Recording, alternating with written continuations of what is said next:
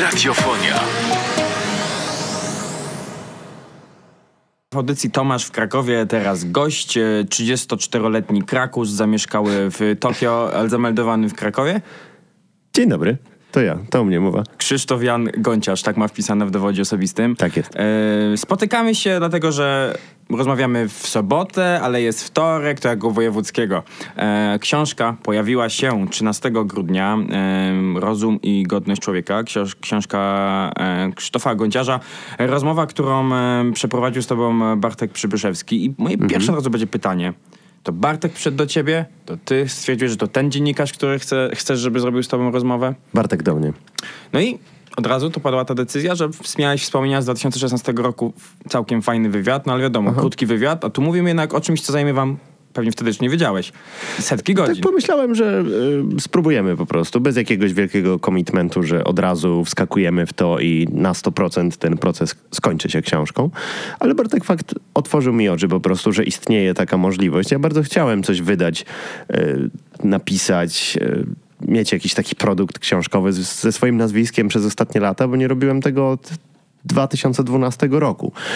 I nie miałem czasu tego udźwignąć w samotności, tak jak dawniej. I nie pomyślałem, że jest w ogóle taka możliwość. No Bartek mi powiedział, czemu nie wywiad rzeka? No bo Bartek też mi y, jakby y, inną opcją jest jakby tak rozbudowana pomoc redaktorska, która gdzieś ociera się o ghostwriting. To akurat dla mnie nie jest za fajne rozwiązanie. Podpisanie natomiast się wywiad... pod książką niejednokrotnie. Tak, tak, tak. No wywiad, wywiad rzeka dla mnie jest bardzo fajną postacią. Szczególnie, że niejednokrotnie mówiłeś, że wolisz, kiedy zadaje ci się pytania i wtedy, dlatego chyba forma Q&A jest jedną z twoich ulubionych, że jednak wtedy otwierasz więcej niż, niż sam w takiej narracji do, do kamery na przykład. Ja chyba bardziej lubię być pytanym niż pytającym. Powiedział ten, który zaczął od roli dziennikarza. No ale cóż, to takie ego dziennikarskie kiedyś się za, zakręca. Yy, dzisiaj yy, będziemy jeszcze oczywiście rozmawiać o tej książce, będziemy rozmawiać o tym, co, jakie plany ma przed sobą yy, Krzysztof w najbliższym czasie, gdyż sporo zmiany. Myślę, że ta książka jest takim zamknięciem pewnego etapu, więc zostańcie z nami w radiofonii. Stoi 5 FM. A teraz jak co tydzień słowniczek i Krzysztof Gonciarz ma dla nas jakie słowo? Rikcz.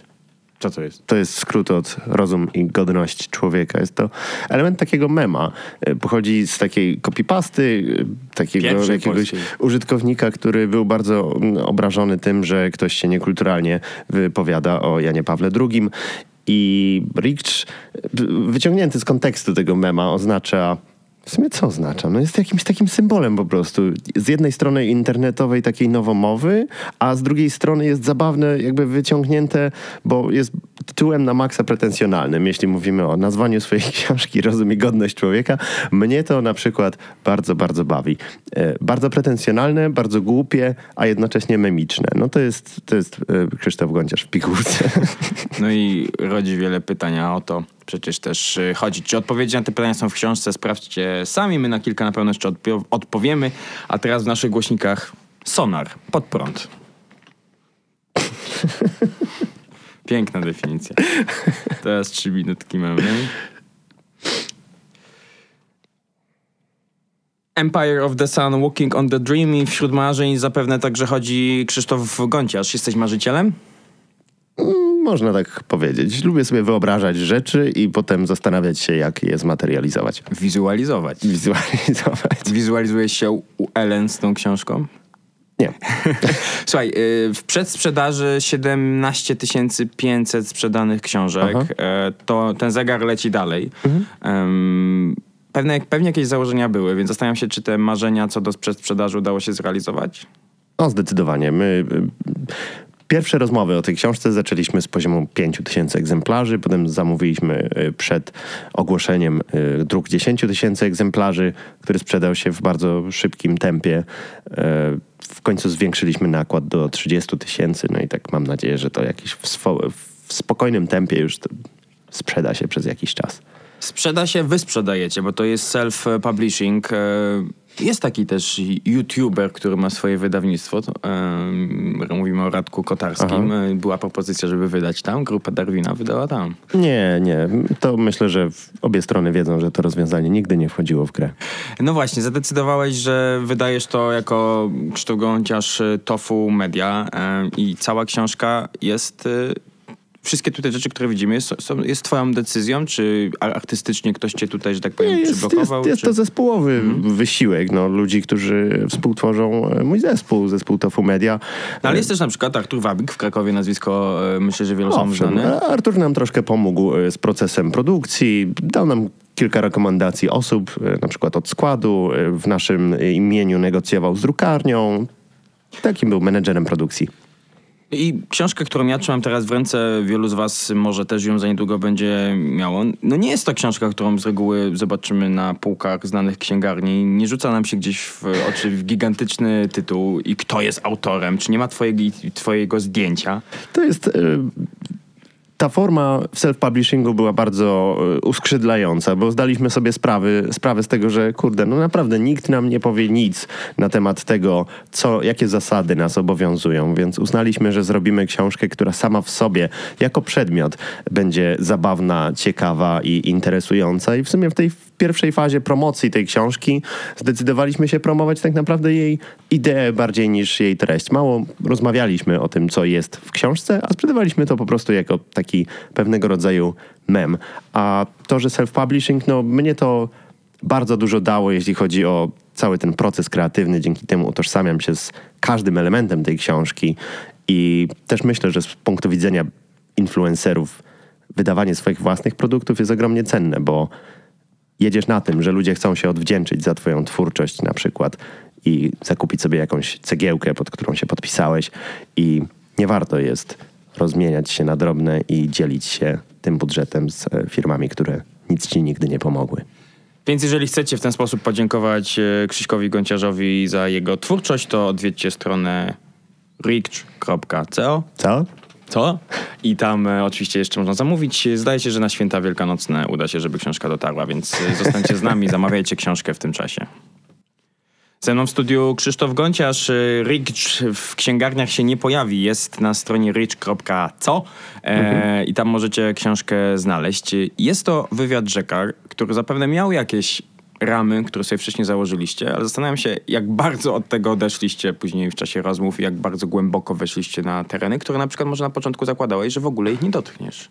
Szkielet y, wyszedł od Bartka. Bartek dokonał jakby researchu na mój temat, spędził na tym ileś czasu, w sumie do końca nie wiem, trzeba by jego zapytać. E, w każdym razie przygotował się bardzo dobrze, zaproponował listę tematów i zaczęliśmy przez to lecieć. E, przy czym dawaliśmy też sobie po prostu otwarte drzwi, że jeśli rozmowa nas pociągnie w jakimś innym kierunku, to dobrze. I to była taka pierwsza faza. Drugą, druga faza pracy nad tą książką już bardziej może pochodziła ode mnie, bo ja po prostu widziałem, że te tematy, które poruszyliśmy, one e, otworzyły mi bardzo dużo skojarzeń, myśli i tak dalej i po prostu wspólnie zaczęliśmy prowadzić te rozmowy. E, dodatkowe e, na tematy takie, które już może bardziej ode mnie wychodziły, bądź też e, po prostu wspólnie pracować nad tekstem. W sensie ten tekst, który jest w książce, on nie w całości jest zapisem rozmów, które się form, odbyły się w formie dźwiękowej, tylko czasem są dialogiem po prostu, który pisaliśmy. No właśnie, bo, bo też niejednokrotnie jest tak, że, że to ty pytasz trochę Bartko niektóre rzeczy, czy, czy o jego zdanie i to twoja wypowiedź jest krótsza od tego, co on zaraz tam wytłuszczonym boldem Tak, napisał. no bo oczywiście, no ja myślę, że w wywiadzie Rzeka potrzebne są dwie strony, prawda? I też y, nie chciałem, żeby w tej książce Bartek był tylko i wyłącznie takim, y, nie wiem, no takim awatarem, który w imieniu widzów zadaje pytania, ale też, żeby jego tożsamość i wiedza były w tej książce widoczne i mam nadzieję, że tak jest. Na pewno, na pewno tak, bo, bo myślę, że właśnie y, bardzo widać też jego styl i humor, który, który jest dość oryginalny. Mhm. Bartek nie jest y, osobą anonimową, jest dziennikarzem, ale także twórcą bloga Liczne Rany Kute. Y, myślę, że warto się zainteresować na pewno jego twórczością. A teraz w naszych głos głośnikach Jessie Ware, Mirage, Don't Stop. Krzysztof Gonciarz ze mną w studiu. Książka jest puentą tego roku, to na pewno. To był czas, w którym mogłeś dużo z siebie wydać, mhm. pokazać. Wystawa, płyta, drugi Gonkon, twoja własna przestrzeń kreatywno-twórcza. 2019, jak sobie planowałeś w zeszłym grudniu, to który z tych punktów już był na tapecie, a który Żaden chyba. chyba. Znaczy w sensie myślałem, że Gonkon druga edycja no powstanie, natomiast nie miałem jakiegoś konkretnego planu. Ten, ten rok jest bardzo ważny dla mnie, bo ja na początku roku byłem w nie najlepszej formie i nie miałem za bardzo pomysłu na swoją przyszłość. Czułem się troszkę taki uwięziony w tym, co robię. I myślałem, że ta, ta moja przyszłość po prostu będzie już takim zasuwaniem w takim kółeczku, jak chomik, robieniem w kółko tego samego i generalnie jako influencer, youtuber odganiasz nieuniknione, którym jest bycie zapomnianym. I tak się czułem na początku roku. Natomiast z biegiem czasu zaczęły mi się układać te takie klocki na tej takiej niewidzialnej ścieżce, jak z Indiana Jonesa, po, po której sobie chodzę.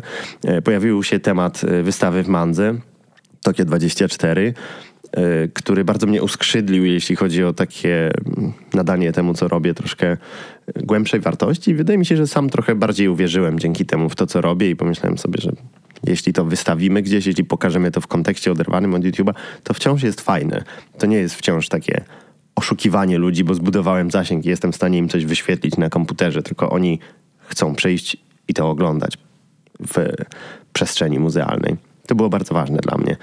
A książka też łączy się z faktem, że z, chciałem po prostu zamknąć jakiś etap życia, którym było to codzienne vlogowanie i chyba też definiowanie siebie samego jako youtubera, bo przez długi czas y, starałem się jakoś tak ciągnąć to pojęcie za sobą, pokazywać, że o, patrzcie, YouTube może się kojarzyć również z tym, z tym i z tym i tak starałem się budować pozytywne y, skojarzenia z tym terminem przez swoją działalność, a w tym roku uznałem, że może powinienem po prostu przestać o sobie myśleć w tej, w tej kategorii i bardziej, bardziej stać się jakimś takim multimedialnym artystą, kimś tego rodzaju. A które z tych y, wydarzeń tego roku najbardziej cię zmieniły? Książka, wystawa?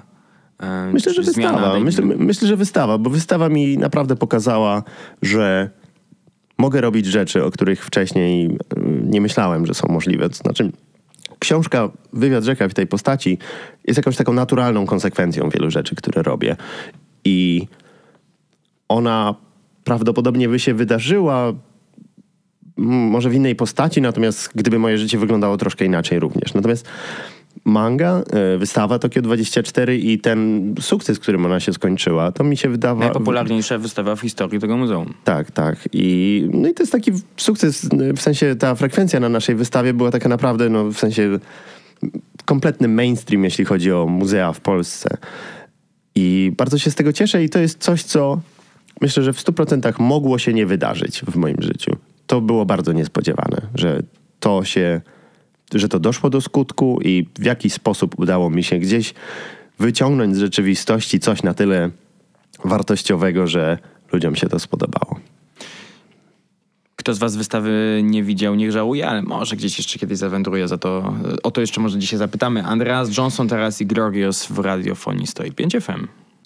Zbliża się godzina 18 i koniec audycji Tomasz w Krakowie. Jeszcze rozmawiam z Krzysztofem Gonciarzem. Ta rozmowa będzie się kontynuowała w podcaście, więc później dosłuchajcie. Chciałbym cię zapytać, tak trochę kończąc właśnie tą, tą część radiową. 804 to taka liczba, którą mógłbyś sobie wytatuować nad pośladkami. Tyle daily vlogów, e, tyle w dni jeszcze więcej, bo, bo czasem to był daily vlogów e, z kilku dni. Nie jesteś dzisiaj z kamerą. Mhm. To jest coś niezwykłego. To, to, to ciekawe, nie? że to zauważyłeś, bo to zazwyczaj to jest... tylko ja to czuję. No właśnie, ty nawet miałeś taką figurkę chyba, nie? Ktoś ci kiedyś zrobił 3D, mhm. tak, też tak, z, kamerą. z kamerą. No w ogóle ta moja taka sylwetka e, zawsze z kamerą. Pamiętam cię z kamerą z 2016, jak mieliśmy to dużo spotkanie w Audytorium Maksimum. No jednak byłeś, chyba to było naturalne, że rano się szuka okularnik szuka okularów, patrzy na telefon, a ty Tak, zdecydowanie. Zdecydowanie. Ja tej kamery przez ja ją przestałem zauważyć w pewnym momencie. W sensie to był taki bardzo mój atrybut. Jak wody, nie? Że ludzie mi mówili, o w ogóle co dzisiaj kręcisz, masz kamerę, a ja tak, o a faktycznie, nie? No to nieważne, nie mam konkretnego planu, po prostu noszę ją ze sobą od trzech lat.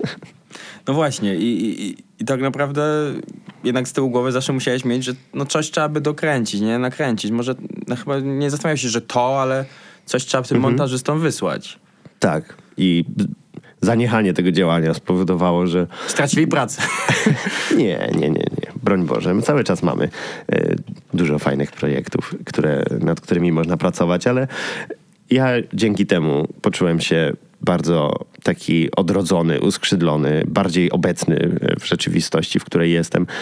I trochę przestałem się rozmieniać na drobne, tak mi się wydaje. To znaczy ten vlog, on już w pewnym momencie spełnił swoją funkcję, osiągnął to, co miał osiągnąć i trochę był takim ciężarem, taką kulą u nogi, którą y, musiałem ciągnąć. Ale to już za tobą. E, Dziękuję za tą część radiową e, rozmowy. Zbliżają się święta i co byś chciał życzyć radiosłuchaczom albo sobie im? W- w- Tak tradycyjnie wesołych świąt, rozumu i godności człowieka w święta. Żeby dotarło na czas. A może niekoniecznie, nie, niekoniecznie w kontekście książki, tylko po Okej. prostu rozumu i godności. To Ma to- przyda się nam ma to wszystkim. coś. E, No to w takim razie, skoro Wesołych Świąt życzył e, Krzysztof, to Johnny Lennon i Happy Christmas, War is Over, podtytuł dobrze. tego utworu e, wybrzmiał w naszych głośnikach. Radiofonia. Kontynuuję moją rozmowę z Krzysztofem e, Gąciarzem. Em, Zastanawiam się, czy to 804 e, daily vlogi, jakbyś sobie tak puścił ten pierwszy, jakiś środkowy i ostatni, to jesteś w stanie tam em, zobaczyć jakieś takie etapy twórcze? Czy oprócz tego, że zmieniłeś może czasem narrację i ona wynikała gdzieś z twojego em, humoru w danym momencie, takiego też, nie wiem, pory roku, ma, ba- bardzo na nie zwracasz uwagę. E, podobno liczysz, że kiedyś ludzie zauważą piękno jesieni, tak jak ty. E, to, to czy te 804 odcinki coś tak naprawdę łączy, oprócz tego, że to jest twój daily vlog? Twórczo. To jest dokumentacja pewnej drogi. I wydaje mi się to ciekawe. To jest w ogóle dość. Ryje mi banie ta świadomość, że na przykład za 10-20 lat będę w stanie sobie obejrzeć swoje robiłeś życie 10 lat temu? dzień po dniu e, przez jakiś okres. To jest. To jest dość przerażające. Nie wiem, kiedyś, wiesz, odniosę życiową jednak porażkę, będę w jakimś rowie y, spał i oglądał sobie czasy, kiedy wszystko było dobrze. Ale tak jak się zastanawiasz, że za 10 lat chciałbyś oglądać to?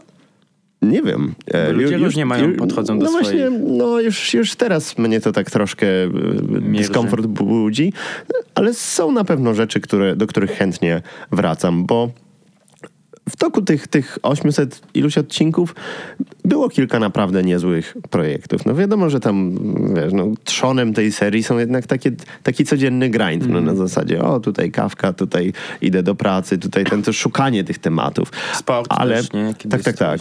Ale oczywiście te takie wyróżniające się punkty były dla mnie osobiście ważne i to są filmy, które mnie samego nierzadko wzruszają, no bo to udało mi się udokumentować jednak ważne wydarzenia i w moim życiu i tak ogólnie ważne wydarzenia, jak na przykład ig- Igrzyska Olimpijskie, e, czy e, kilka tych takich serii podróżniczych, które wydaje mi się, że naprawdę e, no nie wiem, no w tym roku na przykład Czarn- seria z Czarnobyla e, była bardzo popularna i jestem z niej bardzo dumny, że ten temat, który jest już taki dosyć wyświechtany jednak, dość ograny, że udało mi się uchwycić w jakiś taki sposób, e, który ludzie docenili i który był troszkę inny. Na Wikipedii można przeczytać, że jesteś producentem filmowym, publicystą i podróżnikiem. I zastanawiam się po tym, jak zamykasz pewien etap. Podsumowujesz go książką, to nie znaczy, że za pół roku i za rok będzie kolejna, wręcz przeciwnie. To czy w 2020 em, jesteś w stanie gdzieś sobie jakieś takie cele stawiać, czy na przykład są cele podróżnicze, czy trochę y, oddajesz się temu, co przyniesie ten rok, czy, czy wy jako firma jednak jakieś takie mm, główne wydarzenia przed sobą macie? No ważnym dla nas wydarzeniem jest, są e, Igrzyska Olimpijskie w Tokio w przyszłym roku. Czy to już jest klepnięte? Nie, ale wiele wskazuje na to, że będzie. No, nie chcę zapeszać, ale e, no myślę, że mm, to wiesz, już mniejsza czy w tej postaci jak w Pjongczangu, ale generalnie Igrzyska Olimpijskie. poniekąd, nie? No właśnie Igrzyska Olimpijskie mm, odbywające się na naszym terytorium, one już teraz wpływają na jakieś ży- na nasze życie w ten sposób, że na przykład bardzo dużo firm z Polski coś tam w związku z igrzyskami chce sobie wyprodukować, a my jesteśmy chyba no jedyną polską firmą, która jest jeszcze druga, to muszę uczciwie przyznać. Polska, która ma polskich współwłaścicieli i, i zajmuje się troszkę tym rejonem, ale tak naprawdę no, ludzie z Polski chcący produkować rzeczy w Japonii trafiają do nas, szukając jakiegoś wsparcia lokalnego na miejscu, obsługi fikserskiej, załatwienia pozwoleń na lokacje i tak. Więc to jest coś, co już od dobrego roku gdzieś jest obecne w moim życiu i te Igrzyska Olimpijskie. My zresztą sami z Kasią zakładając firmę kilka lat temu, myśleliśmy o tym, że po prostu to będzie dobry czas, ponieważ takie coś się wydarzy. A myślisz z kolei, że, no bo też wspominałeś w swoich filmach niejednokrotnie ostatnimi czasy, abstrahując od zmian w twoim życiu prywatnym, em, też zamknięciu pewnego etapy, etapu twórczego, to także, że rozmyślasz o, o zmianie zamieszkania. Ostatnio też w ogóle bardzo mało cię było w Tokio, że Igrzyska Olimpijskie to też będzie zamknięcie jakiegoś etapu i że po tym już tak definitywnie z Tokio się pożegnasz? Jest taka możliwość, ale myślę, że to jest bardziej na zasadzie do tego czasu chcę mieć jasność, czy ta japońska część mojego życia, czy ona gdzieś pozostanie w tle, czy po prostu e, z niej zrezygnuję. To jest taki mój mentalny deadline na sprawdzenie, ile to tak naprawdę dla mnie znaczy i jakie wiąże z tym nadzieje na przyszłość. Chyba Kraków startował na Igrzyska w 2022. Gdybyśmy wtedy wygrali, musiałbyś wrócić do Krakowa i robić. No, no, no niestety nie wyszło. Jak sk- skoczkowie startowali w Zakopanem i lądowali na krakowskim rynku. To były takie spoty promujące. Em, Tokio, widać już Tokio, że to zaraz? Czy, czy, czy Japończycy... Widać, widać, widać. Bardzo Tokio się zmienia przez ostatnie miesiące. Shibuya, czyli y, ta moja okolica, w której mieszkam w Tokio, ona przez ostatnie dosłownie dwa miesiące zmieniła się nie do poznania. To jest nieprawdopodobne. Otwarto kilka nowych takich centrów miejskich, takich y, no, domów towarowych połączonych z jakimiś tam y, wiesz, restauracjami, nowymi pas pasażami, przejściami przez stacje itd., itd. Jeśli kogoś nie było w Tokio przez ostatnie dwa miesiące, to się naprawdę zdziwi, jak bardzo się ta dzielnica zmieniła. To jeszcze dopytam o to, z czego wyrosłeś, tak? Jako, że przez lata byłeś związany z TV gry i, i wokół Igrzysk Olimpijskich pojawia się esport coraz bardziej w ogóle. W sporcie esport się pojawia. Jakie Tak. jest twoje prywatne zdanie na ten temat, żeby esport był na równi z, z innymi dyscyplinami tymi fizycznymi, żeby nagradzać medalami? Kiedyś nagradzano na, za, za to, kto naj, naj, wejdzie na najwyższy szczyt. Him, Himanalizm był nagradzany. Teraz To jest dochodzimy do- problematyczne. Ideowo mi się to podoba. W sensie nie miałbym z tym żadnego problemu. Widzę jakieś takie no, problemy na gruncie. e, Gry wideo mają swoich twórców, autorów i właścicieli i trudno jest uczynić dyscypliną olimpijską coś, co jest komercyjnym czyimś produktem. Ma prawda? licencję, nie? Właśnie, no jakby Trzeba nikt nie ma... pod Igrzyska, nie? Tak, no oczywiście są jakieś federacje sportowe i tak dalej, ale nikt nie ma praw autorskich i majątkowych do piłki nożnej. Więc y, domyślam się, że to jest jednak jakaś przeszkoda na tej drodze. Szczerze mówiąc, nawet, nawet w ten sposób y, nie pomyślałem. Kończąc y, nasze dzisiejsze spotkanie, chciałbym y, jeszcze zapytać Cię o, powracając troszkę do, do, klima, do tematu książki, gdyż y, wydaliście do niej nawet ratę, y, żeby się połapać w, w spisie treści, z którego nic nie wynika oczywiście, y, ale dotykacie w tej książce tematów ważnych dla ciebie i także myślę, że dla wielu twoich odbiorców. I zastanawiam się, na ile ta obwoluta, kampania marketingowa jest takim ukryciem trochę ważnych rzeczy na zasadzie nie wiem, czy potraktują tą książkę poważnie, więc zrobię trochę ją jajcarsko, mimo że ona ma też wydźwięk humorystyczny. Na ile boję się, że ona nie, nie zostanie potraktowana poważnie, więc w razie czego mam tutaj, ej, ale przecież to jest Lenny Face. Na ile mm, to jest jakiś świadomy zabieg, a na ile nie chciałeś, nie wiem, przesadzić z patosem.